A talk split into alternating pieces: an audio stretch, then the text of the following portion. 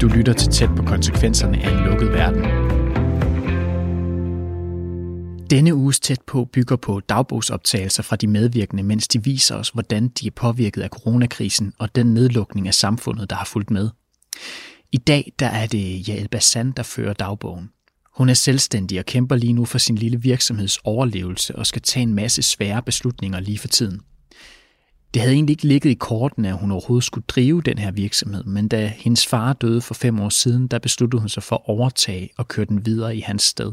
Hun vil nu i det her afsnit tage os tæt på, hvordan det er at være selvstændig i den her tid.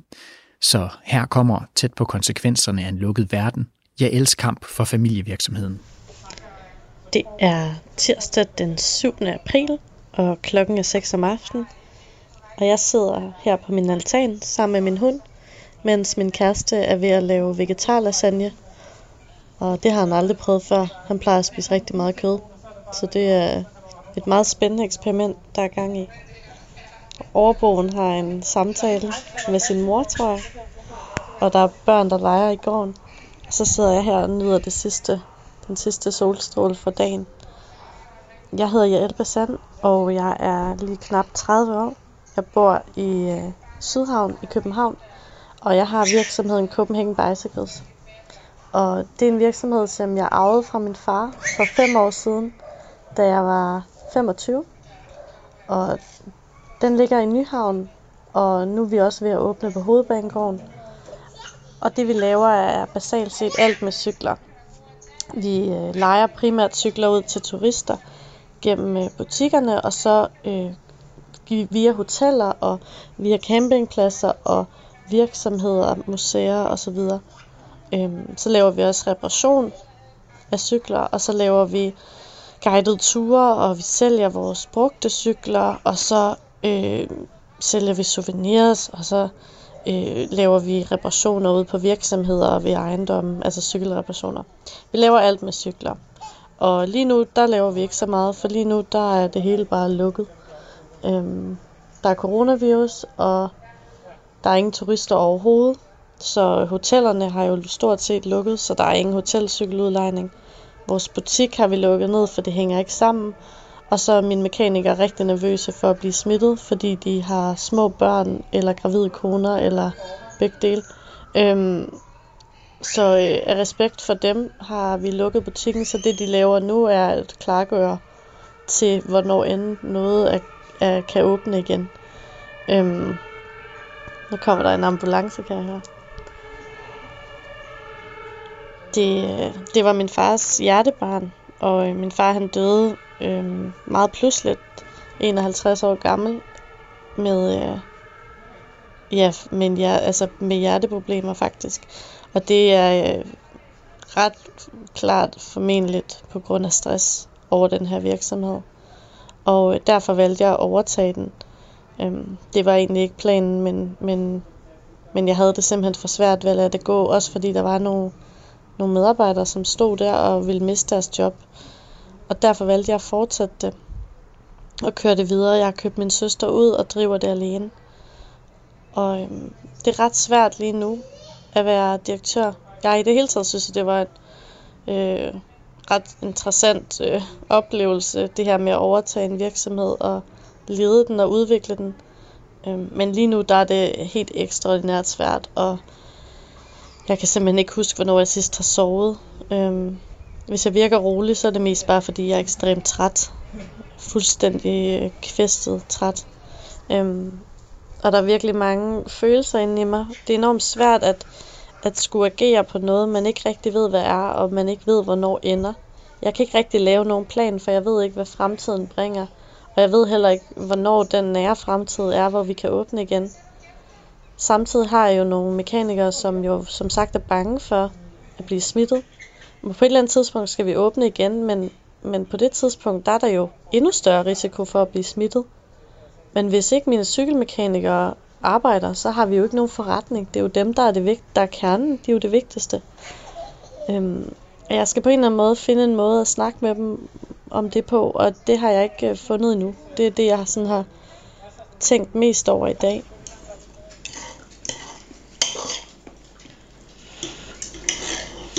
Er du stolt af dit eget værk? Ja, fruktansvärt. Fucking nice. Det smager rigtig godt. Jeg synes, du har gjort det simpelthen så Ja, godt. typ. Får jag sova i sängen i natt också? Ja. Helt klart. det säger det du. må du godt. Kommer du til at lave mere vegetarisk mad så? Ja. Helt klart sista gången. Nej, men jag hade velat köpa, eh, inte soja, eh, sojakött. Ja, det der øh, erstatningskød. Ja, det skulle Nå. jag haft det i. Ja, det kan man få ned i Irma. Hmm? I Irma kan man få øh, Mm, har det der erstatning. Det er det eneste sted, tror jeg, man kan få det. Og måske også faktisk i... Og man, måske kan man godt få det i de andre supermarkeder. Mm. Vi må lige kigge. Men det er nogle forskellige steder, de er i så fald. Mm. Mm. Men det är också viktigt nu att veta om att eh, de två understa lagen, de var eh, champinjon och eh, löj. Den. Mm. Och det översta laget var då eh, kun eh, paprika, Peberfrugt. pepparfrukten. Vildt. Mm. Och så ost. Då. Och tomater. Tomatsås. Okay, okay. Viktigt. Det er lidt som når man laver en lavkage, og man så putter den ene frugt på det ene lag, og den anden frugt på den anden. Meget spændende. Mm. Jeg synes godt, man kan smage, at det er på forskellige lag. Du er vild nok. Du må godt lave mad igen en anden gang. Jeg synes, du gør det godt. Så har jeg også et koncept på vej, som jeg håber bliver, bliver virksomhedens redning, for jeg ved jo godt, der kommer ikke til at være noget turisme i år. Og, øh, og lige nu handler det om at holde vejret indtil marts næste år. Og så håbe, at, øh, at det bliver et rigtig, rigtig godt år. Og med et rigtig godt år mener jeg godt vejr og mange øh, gæster. Øhm, men, øhm, men indtil da, der kommer jeg til at satse rigtig hårdt på, øh, på reparation, cykelreparation til lokale. Og det er noget, vi altid har gjort, men vi har ikke gjort os så meget i det. Og det er jo det, som har været vores... Det har både været vores fordel og vores ulempe. Før i tiden mest vores ulempe, at vi lavede rigtig mange forskellige ting, og det gjorde, at det var lidt svært at specialisere sig. Og så var det også lidt nemmere for vores konkurrenter at komme ind på os, fordi vi jo ikke lavede udelukkende det samme. Men nu her, hvor der er krise, så har vi jo en klar fordel, fordi vi kan trække på nogle forskellige ting, som vi er gode til. Så der, hvor der ikke er nogen omsætning, kan vi det kan vi lade ligge, og så kan vi prøve at lave noget omsætning på nogle af de andre ting, vi kan. Og det er så i det her tilfælde noget, der handler om reparation og, og udleje til lokale. Altså cykel, cykelleje til lokale. Øhm, og det er et koncept, øh, der hedder Rep My Bike, som i reparerer min cykel.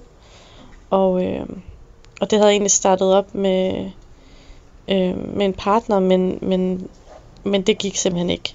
Og i dag har jeg købt ham ud, og skal så køre det videre selv, og jeg skal finde en måde at, at få det op at køre på øhm, alene. Og øh, det er enormt spændende og enormt angstprovokerende. Øhm, jeg har sådan en grundfølelse af, at altså lige for tiden, at det, det er enormt svært at Altså jeg arbejder simpelthen non-stop, og jeg har enormt svært ved at finde ro, fordi at, at jeg er bange for, at hvis jeg sætter mig ned og slapper af, jamen så er der noget arbejde, jeg kunne have lavet, som ville gøre hele forskellen. Jeg har også en, en klar øh, følelse af, altså af ansvar, for det er jo min virksomhed, og, og mine medarbejdere afhænger i høj grad af mig. Og, øhm, og derfor er det enormt svært det her med at, at, at være nogen chef og også være et menneske øhm, på samme tid. Ja, bollen. Tag bolden, Frida. Tag den så. Ligesom om hun ikke helt har forstået konceptet.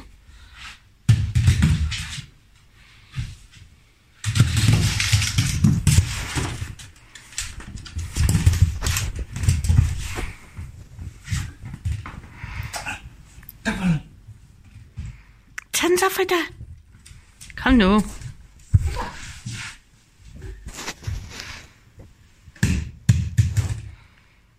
Ej, det er det mest dogne spilbold, jeg længe har set. Är hon trött? Tror du? Måske. Ja, är hon. så er hun bare doven.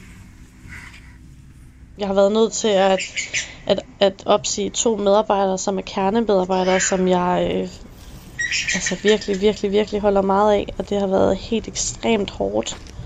Øhm, men, men det handlede simpelthen om, at, at, at det de sad med er enten arbejde, jeg kan udføre, eller så har de siddet med et projekt, som jeg har været nødt til at lukke ned, fordi at vi havde rigtig mange projekter sat op sidste år, som, som, som vi skulle høste. En masse øhm, investeringer, som vi skulle høste i år. Og det er bare øh, ikke muligt at høste i år, for der er ikke nogen der er ikke nogen kunder. Så jeg har været nødt til at lukke de her projekter ned, og med det er, er, er dem, der har drevet dem, jo så også altså, faldet øh, sammen med projektet. Og det, det kan jeg slet ikke beskrive med ord, hvor, hvor ubehageligt det har været, og hvor øh, tragisk og frygteligt, og ja, det har virkelig været ubehageligt. Det var sådan for øh, ikke særlig mange måneder siden, der begyndte vi at release alle de her ting, som vi havde sat i søen sidste år. Øhm, det seneste, jeg nåede at release, var en, øh, en guided øh, cykeltur med øh, LGBTI plus drag tema, hvor vi skulle øh, have nogle drag queens ud og køre på cykel og, øh, og fortælle om, øh, om København fra et øh, regnbueperspektiv, og det glæder jeg mig sindssygt meget til.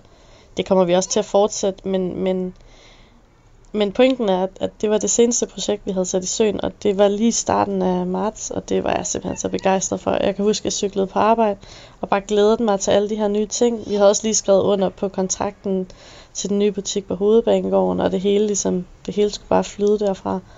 Jeg kan bare huske, at jeg tænkte ved mig selv, at, at nu skulle jeg lige huske at stoppe op og nyde det, for man ved jo aldrig, om det pludselig vender. Og så gik der bare ikke mange sekunder, så var det bare vendt fuldstændig. Og det har bare været det mest turbulente nogensinde. Og det var bare slet ikke sådan her, det var meningen. Og, og har det sådan, at, at hvis jeg kunne give mig selv skylden for det, at sige, at det var mig, der, der ikke havde forudset det, eller det var mig, der ikke havde planlagt ordentligt, eller sådan, men, men det er det jo ikke. Altså, det her er ikke min skyld. Øhm, jeg har solgt alle vores aktier, som jeg havde øh, liggende, skulle jeg til at sige, til, øh, til hårde tider, og det her, det er jo hårde tider. Dem har jeg solgt, så vi skal nok klare os igennem krisen, som den er nu. Men problemet er jo, det vi lever af, øh, er jo højsæson, og, og det er sommeren, og den højsæson, den forsvinder. Øhm, så vi har ikke noget at leve af i lavsæson. Så spørgsmålet er ikke, om vi overlever den her krise. Spørgsmålet er, om vi overlever året. Og derfor er jeg nødt til at, at, at finde på noget. Og det bliver så det her Rep My Bike, jeg kommer til at satse det hele på. Øhm, og hvis det går dårligt, så ved jeg simpelthen ikke, hvad jeg skal gøre. Det er virkelig, virkelig stressende, og det er virkelig hårdt. Og jeg kan ikke, øh, jeg kan ikke finde ro, og jeg kan ikke, øh, jeg kan ikke øh, jeg sover helt vildt dårligt, og jeg, jeg glemmer at spise, og jeg kan ikke rigtig overskue øhm, ting.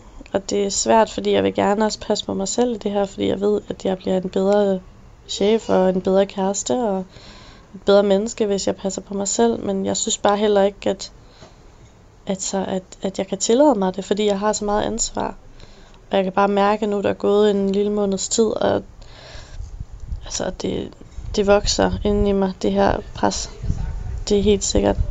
Øhm, det er lidt svært at, at forklare, fordi jeg er ikke helt selv klar over, hvordan, hvordan det præcis er, og hvad det præcis gør ved mig, men jeg kan i hvert fald bare mærke, at jeg er meget, øhm, jeg bliver meget hurtigt sur, og der skal ikke så meget til at provokere mig.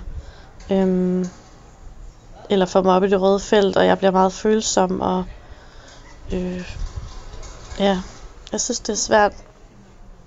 Så det er lidt en blanding af nu, at nu skal der ske en masse spændende ting i virksomheden, som forhåbentlig skal redde virksomheden jeg skal have samling på de mennesker, der er tilbage, og, og lægge en plan og, og, og, og finde ud af, hvad fremtiden bringer. Og så skal jeg samtidig også øh, passe på mig selv. Og de, de opgaver er ret vigtige alle sammen. Øhm, og jeg skal finde en måde at, at balancere det på. Og den måde har jeg simpelthen ikke fundet endnu. til tæt på. Det er lidt, det er lidt svært at arbejde, når du ligger der, Frida. Det er lidt svært. Frida, det er ikke så godt, når du ligger lige der. Frida, Frida.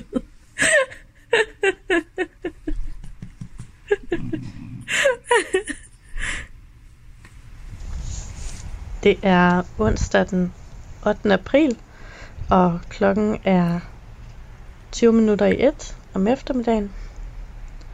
Og det har været en, indtil videre været en bedre dag, end i går var. I går aftes, der faldt jeg i søvn klokken halv 10 om aftenen med alt tøjet på, fuldstændig kvæstet. Og så har jeg sovet igennem til klokken 7 i morges. Og det er simpelthen så dejligt at have sovet. Jeg kan mærke, at der er en helt anden ro på min krop i dag, end der var i går. Og det er jo altid et godt udgangspunkt. Jeg valgte at, øh, at skrive til mine mekanikere i morges og, og spørge dem, om de synes, det var den bedste, den bedste idé, at vi talte sammen alle sammen, eller om vi talte sammen hver for sig. Og de synes bare, at vi skulle tale om det alle sammen. Og så lavede vi et fælles videomøde, hvor øh, jeg lige spurgte dem ind til, hvordan de ser situationen i forhold til det her med at skulle have børn i institutioner.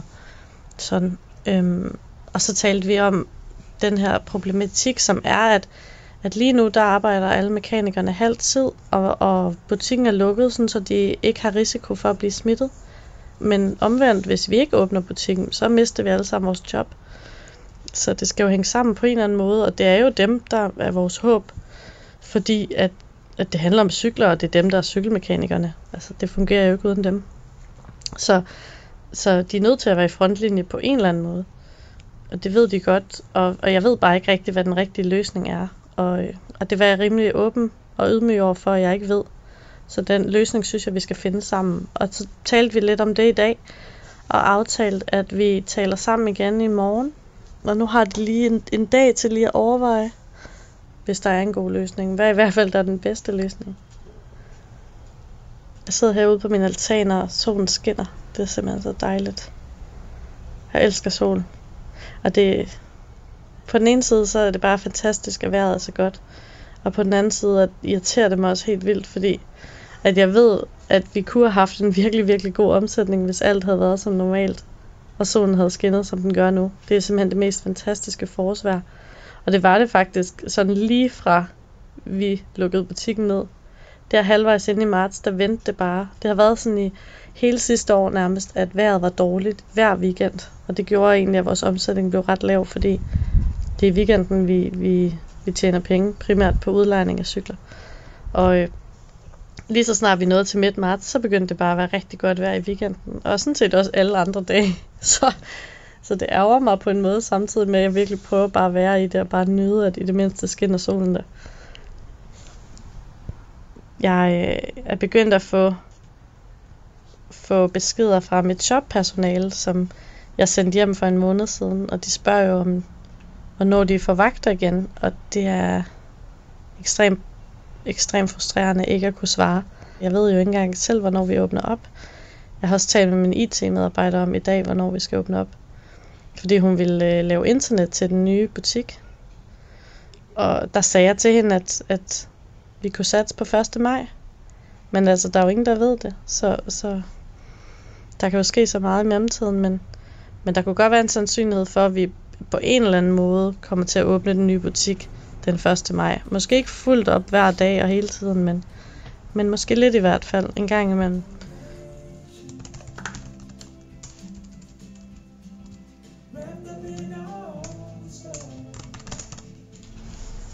Jeg er begyndt at, at lave min ansøgning til kompensation. Der er kommet de her hjælpepakker, hvor vi kan få vi kan få kompensation på de faste udgifter, hvis vi kan bevise, at vi har et underskud på over 30 procent øhm, af, af den forventede omsætning. Og det er sgu absolut ikke være noget problem med at bevise det. Så den er jeg så småt begyndt at skrive. Jeg har et advisory board, som jeg er så glad for at have. Øhm, og i det advisory board, der sidder der en, der er økonom og kan hjælpe mig med det. Med den her del. Og det vil hun gerne. Så, så nu er jeg begyndt at, at gøre op, hvad de faste udgifter er, og også hvad øh, jeg begyndt at skrive selve ansøgningen. Og det haster ikke sådan synderligt at skrive den ansøgning, fordi at, at der bliver jo tæppebumpet med ansøgninger, så jeg tror ikke, det er sådan, at lige forløbig, jeg vil forsvare alligevel. Så jeg tager det rimelig stille og roligt med det.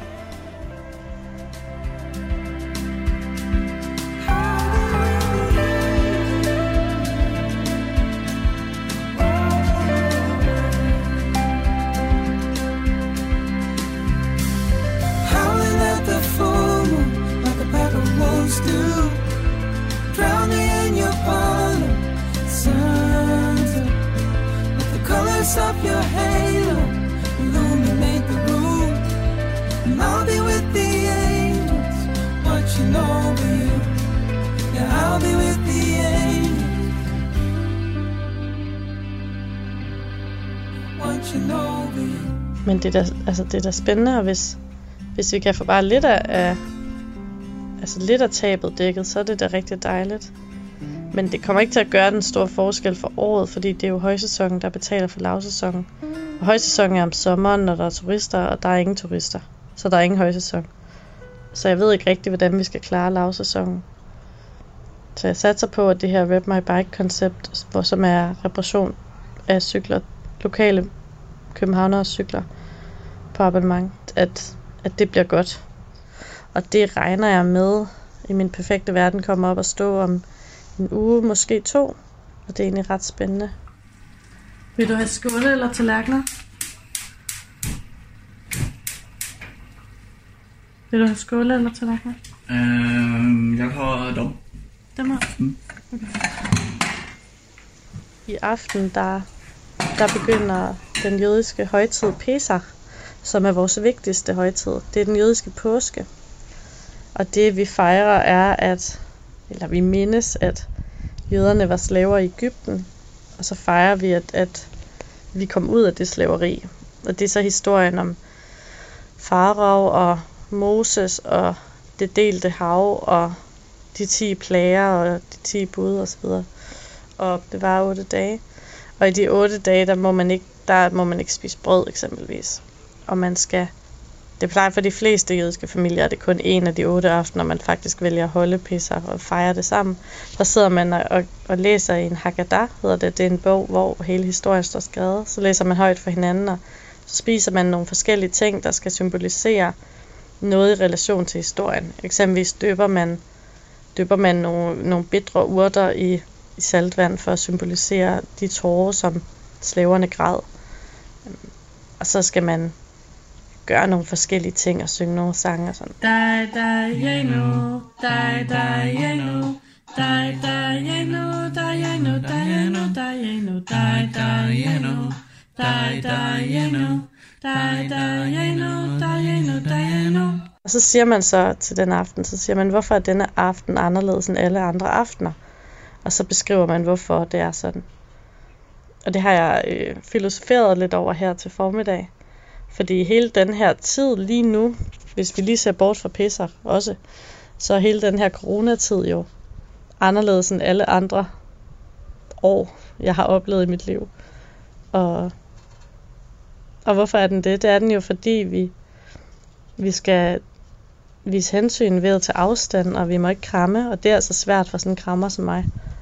Og så skal vi jo også altså holde os væk fra at gøre en masse ting, som vi er vant til at gøre. Vi må ikke samles i forsamlinger, og ja, vi må ikke røre ved hinanden, og det er sindssygt svært og vildt hårdt.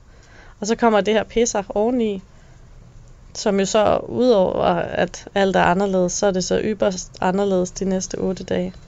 Og i aften, der holder jeg Pesach med min familie på Skype, og det er jo også første gang, vi, vi gør det. Men, men sådan er det jo. Man skal jo respektere reglerne. Og, ja, og det er jo en påskefrokost for os, som ikke bliver holdt. Det er i det hele taget sådan lidt svært at være, være isoleret øhm, i sin lejlighed, og jeg er simpelthen så glad for, at jeg, at jeg bor i en lejlighed med lys og med en altan. Jeg flyttede for et halvt år siden fra en lejlighed, der var i stueetagen, som var enormt mørk, og hvor man, man kunne ikke sådan rigtig få luft. Og det er simpelthen så fantastisk, og jeg er glad hver eneste dag over at, at bo her, hvor jeg bor nu. Også at jeg bor sammen med min kæreste, og jeg har en hund, og jeg kan få kram, og jeg kan få lys. Og når jeg går en tur udenfor, så er der ingen mennesker. Så jeg er ikke nervøs for overhovedet at blive smittet med noget som helst af nogen som helst. Og det er virkelig, virkelig, virkelig, virkelig rart. Og det er dejligt ikke at skulle have den bekymring oven i alt det andet. Du lytter til tæt på konsekvenserne af en lukket verden. Det er fredag den 10. april, og klokken er 7 om aftenen, og jeg er lige ved at øh, hænge vasketøj op. Jeg har taget festtøj på, fordi det er jo fredag, så jeg tænkte, det var passende. Og øhm, de sidste par dage har været øhm, ret underlige på sin egen måde, fordi jeg ikke har kunne overskue noget rigtigt. Øhm, jeg har lavet noget arbejde, men jeg har mest bare ikke kunne overskue noget. Jeg har lige en periode, hvor det hele det har været rigtig, rigtig meget øh, stress, og nu har jeg bare, tror jeg, brug for noget ro i mit hoved. Om ikke andet bare midlertidigt, bare et par dage.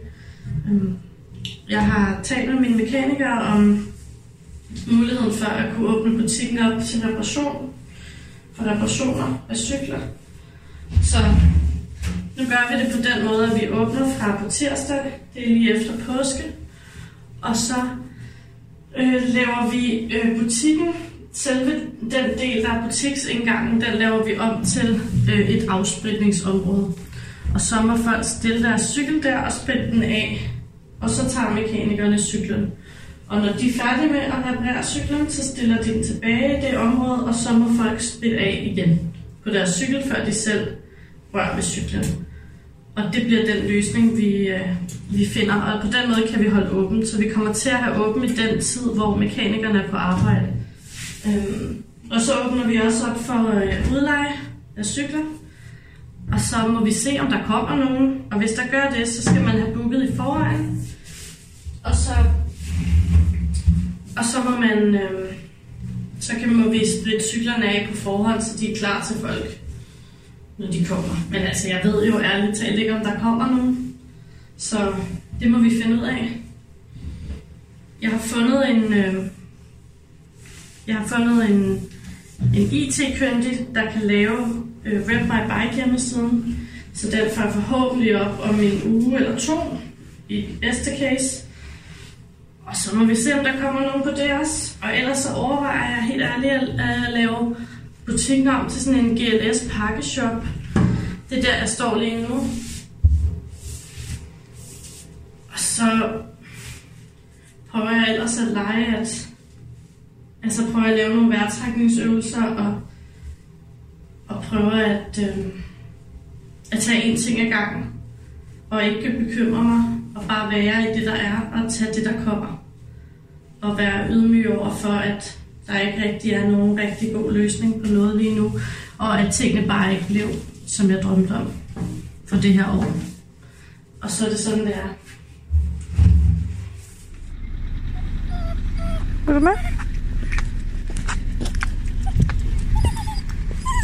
Er det svært med pinden? Er det svært at gå og tisse samtidig med pind? Hvad? Skal vi gå? Så giv dig slip på den pind, Musa. Du vil have pinden med, men du vil også tisse. Men du kan ikke rigtig få vejret. Er det sådan?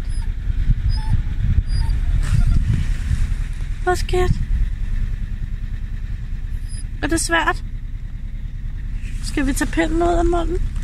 Skal jeg hjælpe dig? Skal vi tage den ud?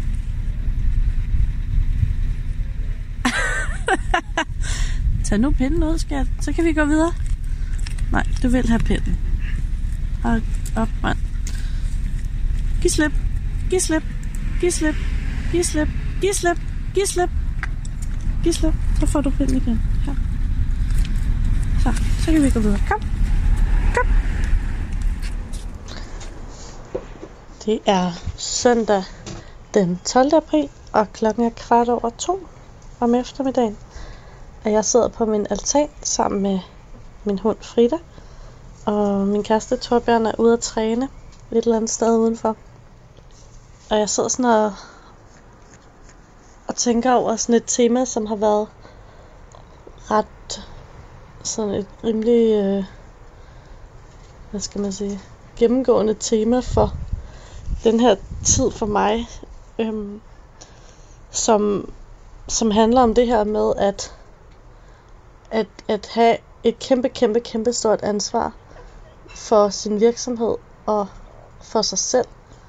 Og så det her tema omkring, om man kan have det godt, når man også har så stort et ansvar. Altså kan man simpelthen tillade sig at, at, at gøre noget godt for sig selv, når man samtidig øh, kunne øh, bruge sin tid effektivt på, på, på det her med at få virksomheden til at køre. Og omvendt kan man overhovedet bruge sin tid effektivt, hvis man ikke tager sig af sig selv.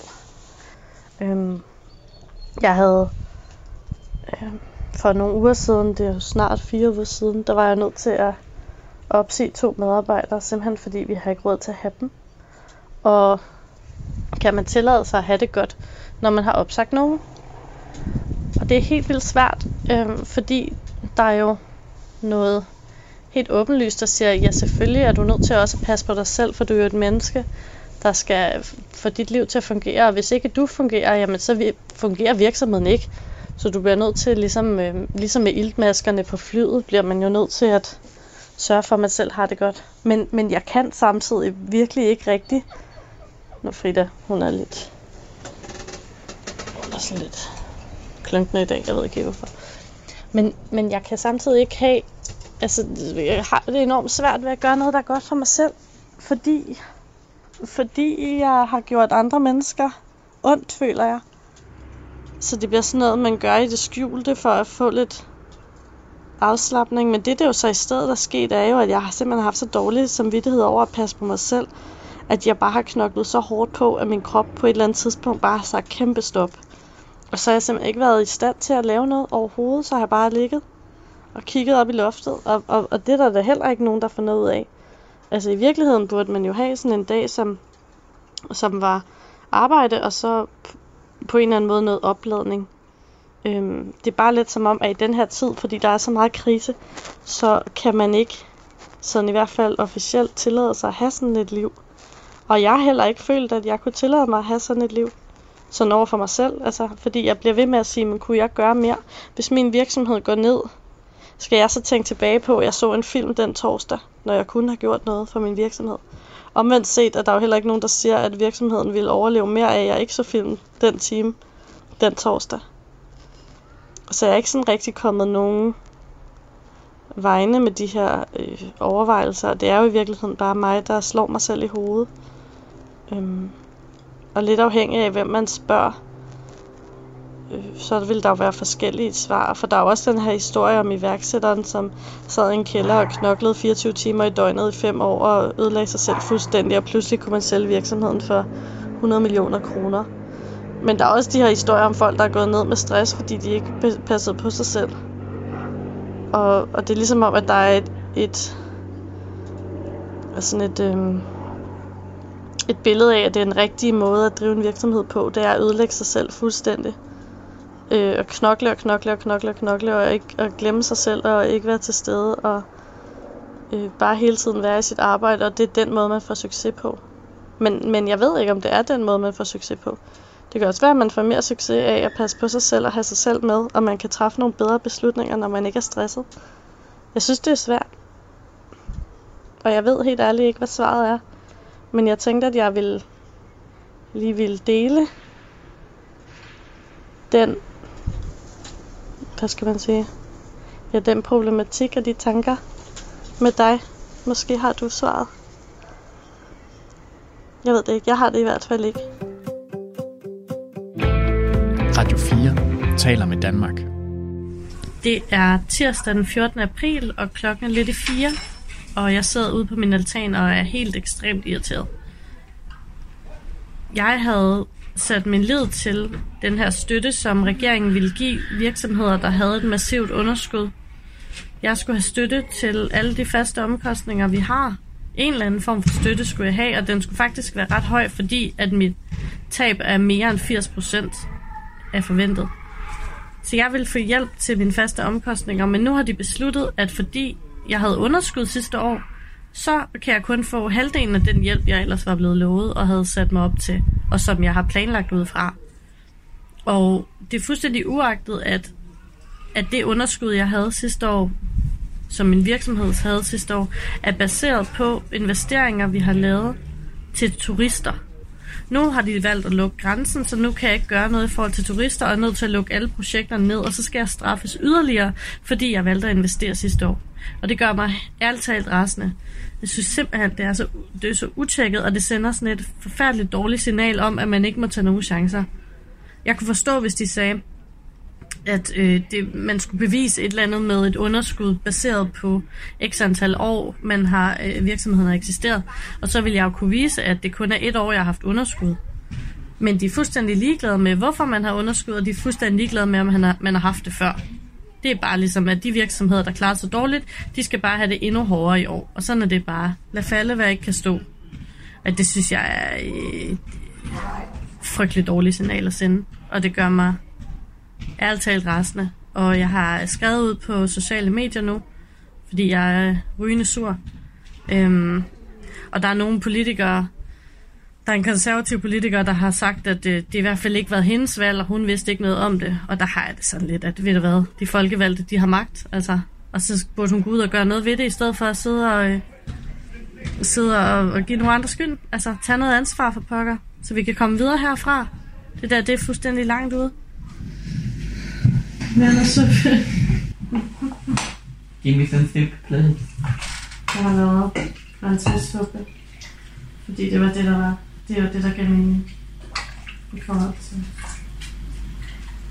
I forhold til, det var i køleskabet. Kom. Så. Værsgo. Den består af 50% porre, og så 50% andre ting. den er suppe. Jeg er træt. Jeg er slet ikke færdig i dag. Altså med i dag. Nej, Hvad skal du göra med blive ved hele natten. men du kan väl göra lave en mail imorgon?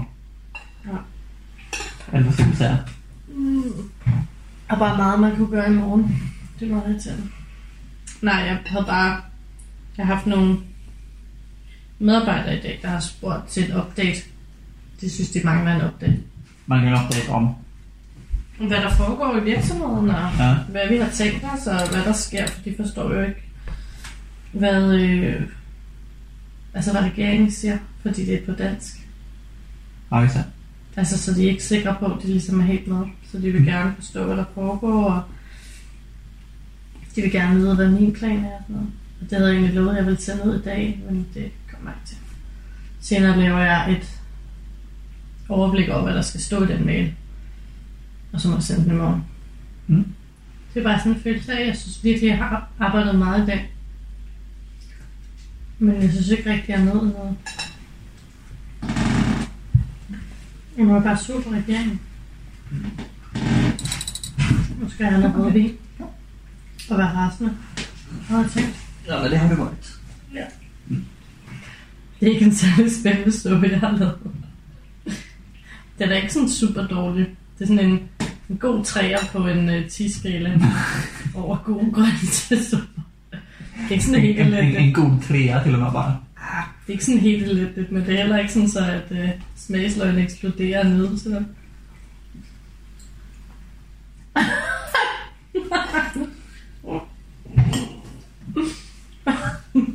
kan du smage, hvor rasende jeg var med til at lave den?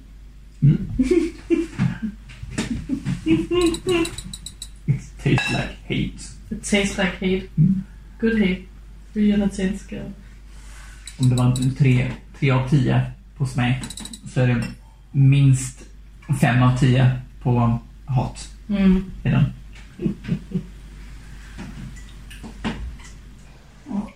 Det er søndag den 19. april, og klokken er kvart over ni om aftenen, og jeg sidder i min seng, og jeg er helt vildt træt.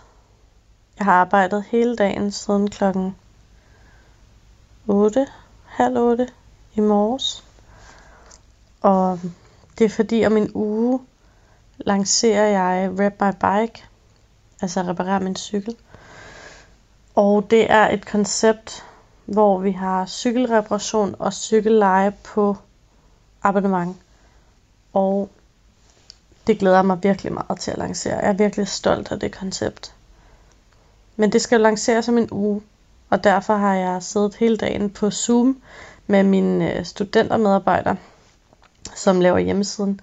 Og vi har siddet og redigeret og rettet til, og så har jeg lavet nyhedsbrev, og så har jeg ligesom fundet ud af, hvordan ting skal sættes op. Og det har bare taget rigtig lang tid i dag.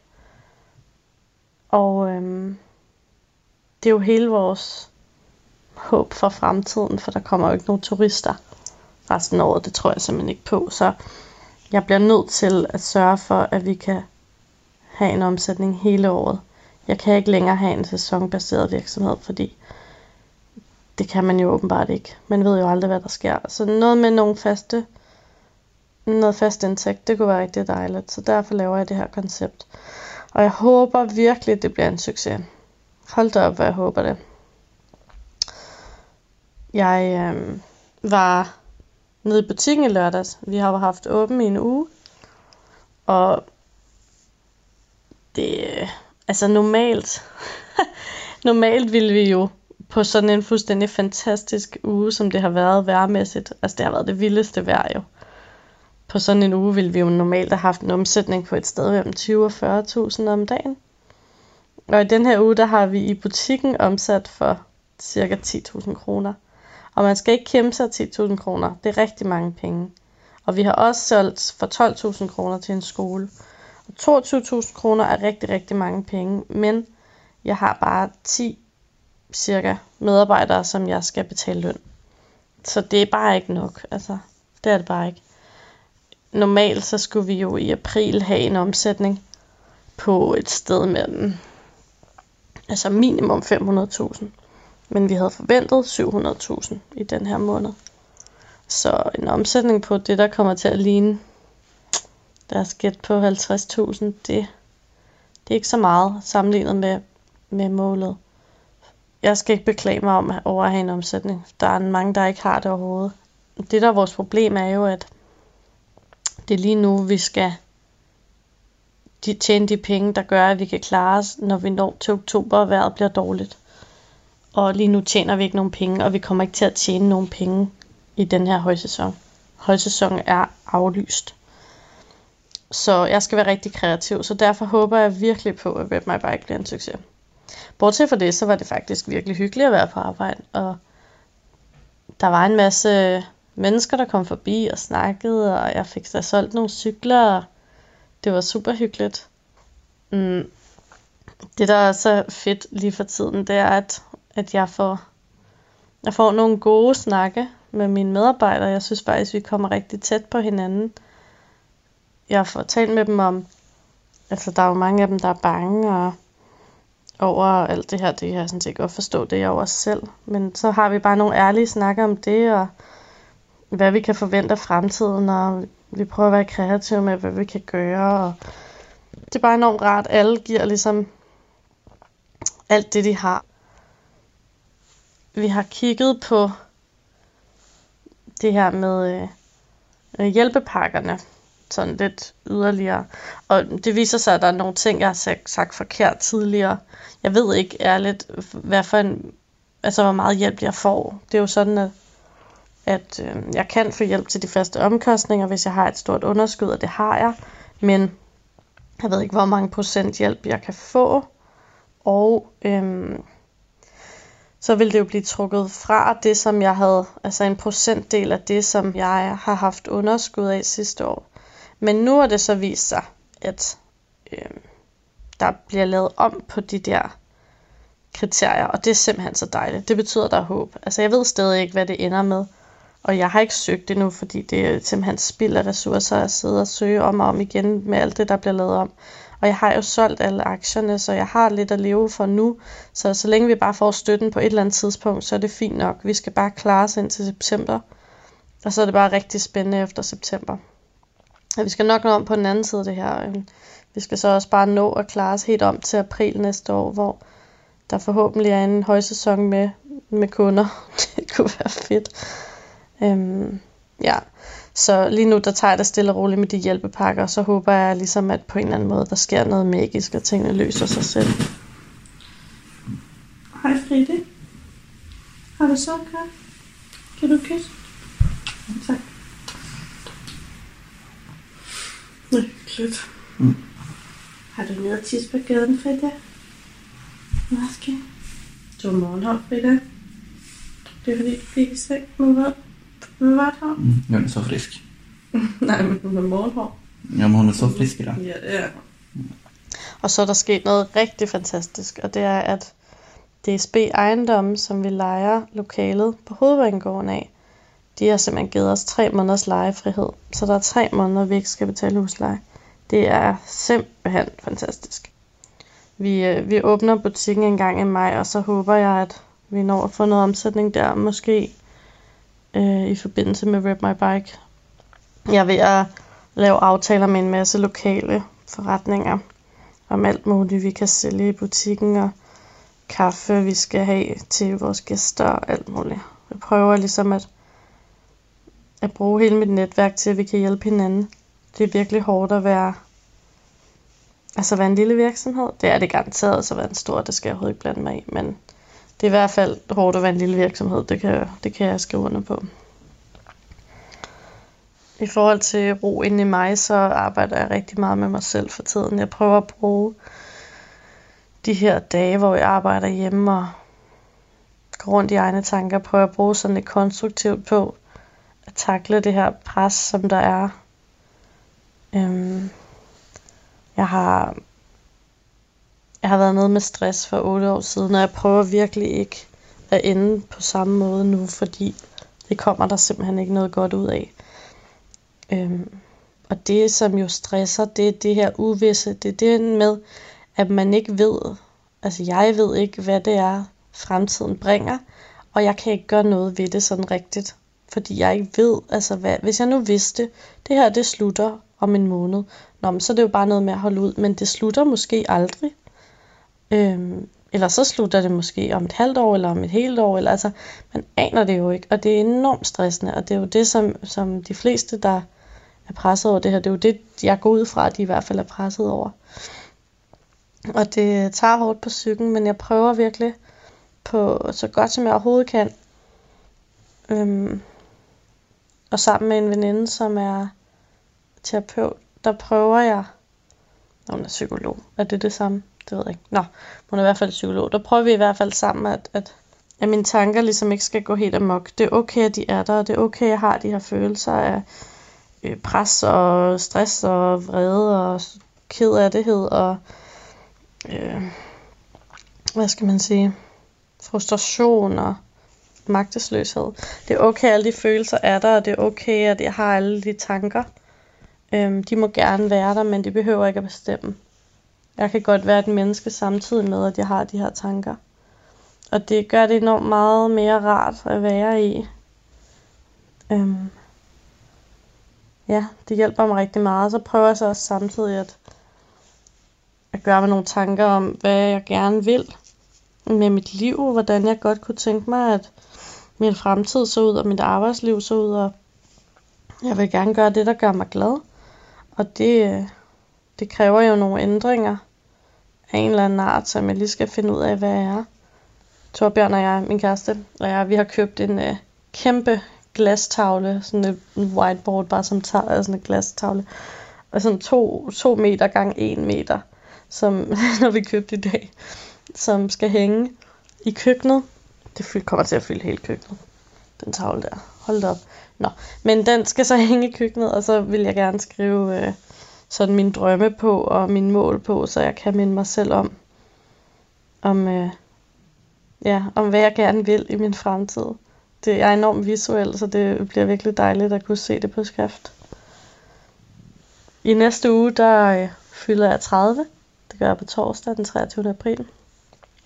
Og det var jo ikke den fødselsdag, jeg havde drømt om. Det kan jeg allerede sige nu. Men øh, egentlig der havde jeg faktisk inviteret over 100 mennesker til fødselsdag på lørdag. Har sådan en kombineret housewarming og fødselsdag. Jeg flyttede ind i den her lejlighed i oktober sidste år. Øhm, men ja, det er jo så sjovt nok afløst, så jeg har sat det til oktober i år. så der er gået et år, så er der housewarming og fødselsdag, når jeg holder fest. Så ja, det er enormt frustrerende, og jeg ved ikke rigtig, hvad jeg skal gøre på torsdag. Det kan være, at min familie kommer forbi til noget, øh, til noget distancesnak, eller en lille sang nede foran vinduet, eller noget. Det kunne da være dejligt. Jeg ved, altså, jeg ved det virkelig ikke. Jeg kan ikke helt finde rundt i, hvad der er forsvarligt at gøre, kontra hvad jeg virkelig har lyst til. Altså, der er ikke noget, jeg har mere lyst til end at give folk et kram, og det kommer helt sikkert ikke til at ske, så. Og hvornår kommer det egentlig overhovedet til at ske? Nå, nok om det. Men jeg er bare så glad for, at jeg ikke ligger i en respirator 7 9 13 og at jeg, ja, mit helbred er godt. Jeg har en kæreste, jeg er vild med, og en hund, jeg er vild med, og venner og familie, jeg er vild med. Og ja, jeg prøver bare at sætte pris på det. Jeg har et job, selvom det er hårdt. Og ja, ja jeg prøver bare virkelig at sætte pris på de ting, der nu er at sætte pris på. Det lyder bittert, det er det ikke. Det er bare virkelig hårdt lige nu, synes jeg. Jeg tror, alle har det på samme måde som mig. Det er i hvert fald min, min oplevelse, men jeg synes egentlig, vi klarer os godt igennem det alt sammen. Og så håber jeg bare, at fremtiden bliver ligesom, jeg har tænkt mig at skrive på den tavle, der kommer om nogle uger.